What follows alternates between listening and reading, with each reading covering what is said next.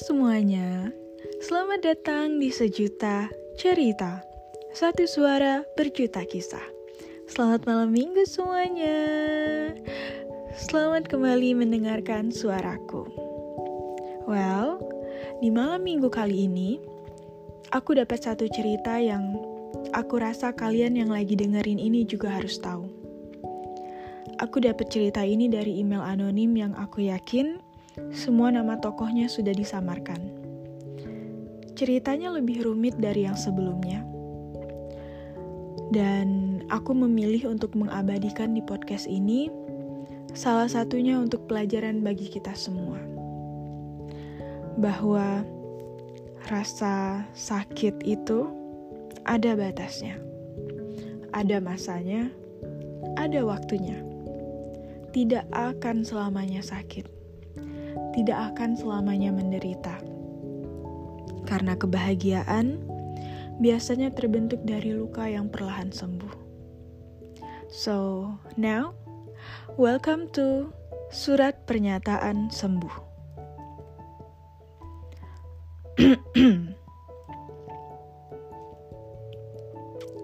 Hai Sir, perkenalkan nama gue Bulan Gue salah satu pembaca novel lo dari zaman Zelin semasa di Wattpad. Gue rasa gue harus berbagi pengalaman pahit. Sangat pahit. Yang pernah gue alamin selama 26 tahun gue hidup di dunia ini. Gue punya temen deket cowok. Namanya Bintang. Kita udah kenal dari SD karena pernah tetanggaan. Tapi pas SMP, gue pindah keluar kota. Dan kita ketemu lagi di SMA yang sama. Awalnya, gue sama Bintang berteman biasa. Karena kita juga sama-sama anggota OSIS. Tapi, satu hal yang gue notice saat itu, Bintang jauh lebih ganteng dari yang terakhir kali gue lihat. Dia jadi anak famous di sekolah. Karena selain ganteng, dia selalu juara umum, Ser. Jujur, gue bangga banget sama dia. Dan karena rasa itu, gue mencoba berteman lebih dekat lagi sama dia. Pas kelas 11, kelas kita sebelahan. Gue sering diantar pulang sama Bintang karena ternyata rumah kita searah. Gue juga sering diajak makan es krim gelato deket rumah. Gue baru tahu ada toko es krim seenak itu di depan komplek rumah gue, Ser. Dan itu karena bintang. Gue juga jadi tahu alasan dia berubah jadi lebih peduli sama penampilan. Itu karena dia pernah ditolak sama cewek yang dia suka semasa SMP. Dan setelah gue tahu ceweknya itu siapa, ternyata ketua OSIS di sekolah kita. Temen deket sekaligus sahabat gue sendiri. Namanya Tania. Gue ngerasa Bintang kayaknya suka sama Tania. Jadi gue perlahan mundur. Suatu hari, Bintang nyusulin gue makan di kantin.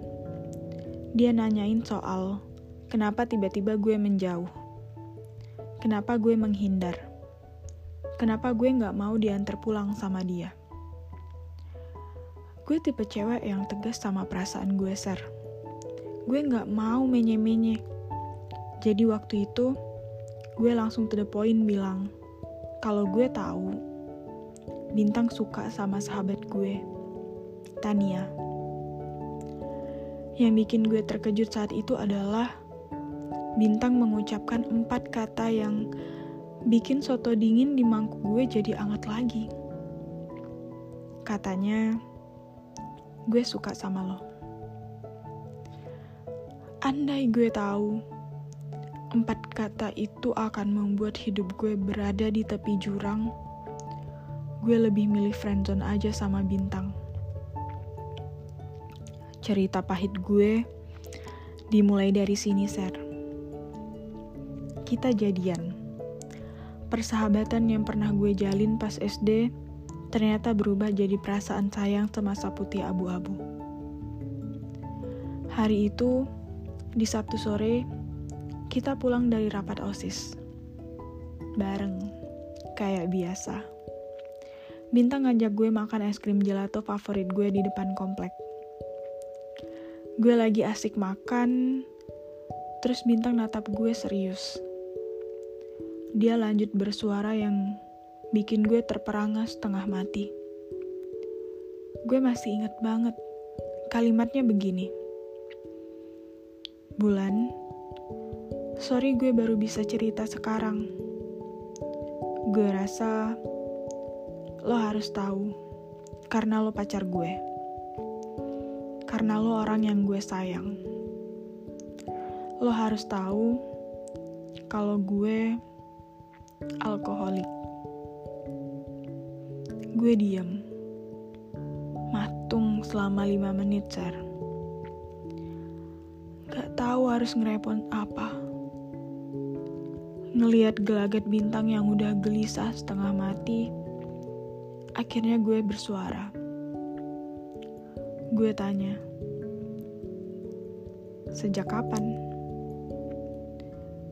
Dia nunduk, enggan natap mata gue. Gue pegang tangannya, baru dia berani natap mata gue. Lidahnya yang keluh itu akhirnya bersuara. Sejak SMP. Gue shock, diam, bingung, gak tahu harus ngomong apa. Lo bisa putusin gue kok kalau lo gak mau bertahan. It's okay. Gue emang gak layak untuk siapa pun bulan. Topeng gue sebagai anak juara umum di sekolah gak bisa gue pakai di depan lo. Gue aslinya brengsek, nakal, anak gak bener. Gak seharusnya gue jatuh cinta sama lo. Saat itu, dengan tegas, gue sanggah semuanya. Gue bilang ke Bintang, Gue tahu kalau lo brengsek dari SD. Dikatain gak punya mama aja, lo buat anak orang masuk IGD. Bintang emang anak broken home, sir. Dia tinggal sendiri sejak SMA. Mama dan papanya setelah pisah punya keluarga baru masing-masing. Jadi, gue sangat mewajarkan kalau emosi bintang gak sestabil gue yang notabene gak punya masalah seberat dia. Tapi setelah pengakuannya itu, yang mana gue berharap dia menepati janji untuk gak minum-minum lagi, ternyata sirna. Malam minggu jam 2 dini hari, gue dapet telepon dari temennya Bintang. Ngabarin kalau Bintang teler abis minum banyak dan ngeracau gak jelas soal papanya. Karena malam itu, gue lagi nginep di rumah sahabat gue, Tania, gue berhasil keluar rumah untuk jemput bintang. Iya, gue keluar tengah malam untuk bintang, untuk nyelamatin dia. Tapi ternyata gue yang masuk ke jurang tidak terselamatkan. Karena setelah gue sampai di lokasi, bintang natap gue dengan tatapan kosong. Teman-temannya bilang dia habis tengkar hebat sama papanya di telepon. Gue sebagai ceweknya saat itu beranjak buat bantuin dia pulang. Gue papah tubuh tegapnya itu ke mobil. Dan setelah gue sampai di rumahnya, betapa hancurnya perasaan gue saat gue denger langsung dari mulutnya. Dia nyebut nama Tania. Tania, makasih udah datang. Gue diam ser di tempat. Otak gue yang baru setengah sadar gak bisa mencerna ucapan bintang. Gue duduk di samping sofa ruang tamu. Natap bintang yang masih senyum-senyum ngeliat muka gue. Tania, Jangan tolak gue ya. gue sebenarnya nggak suka sama bulan. Gue sukanya sama lo, Tania. Azan subuh berkumandang. Dan saat itulah tangis gue mulai pecah ser.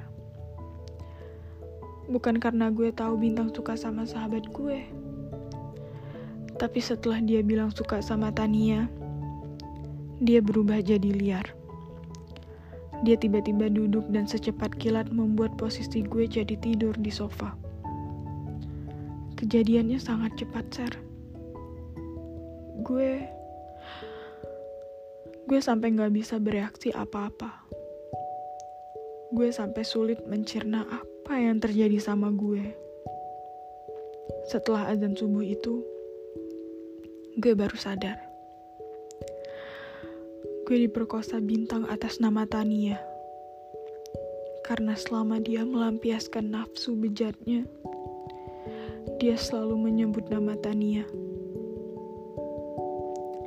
Gue hapus semua air mata gue, Ser.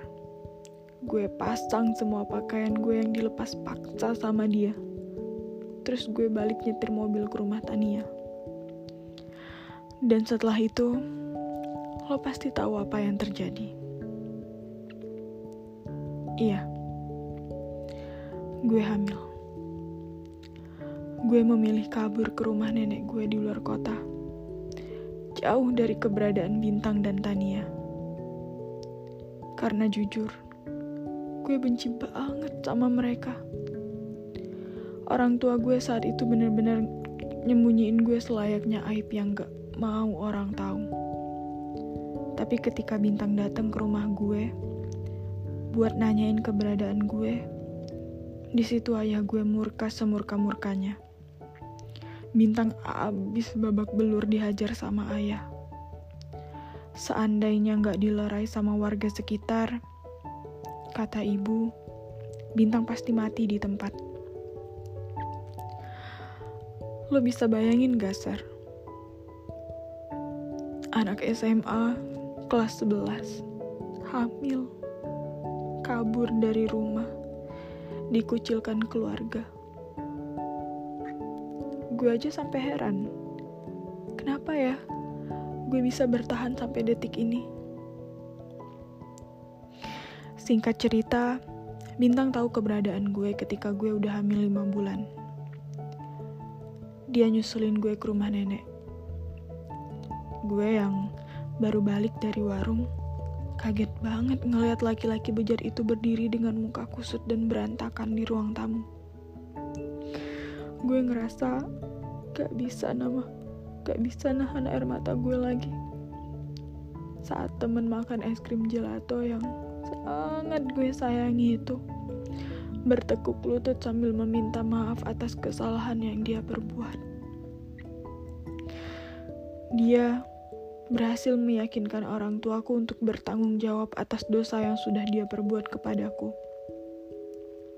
Tapi ternyata Tuhan berkehendak lain, Ser. Gue keguguran karena kepleset di kamar mandi. Dan karena anak itu udah gak ada, Bintang memutuskan untuk membatalkan pernikahan. Gue sempat depresi gonta-ganti psikolog, dan makan obat apa pun yang bisa membantu gue menghilangkan trauma itu. Sampai akhirnya gue bisa bangkit. Gue bisa gue bisa bilang sembuh atas segala hal pahit yang gue lalui di masa remaja gue.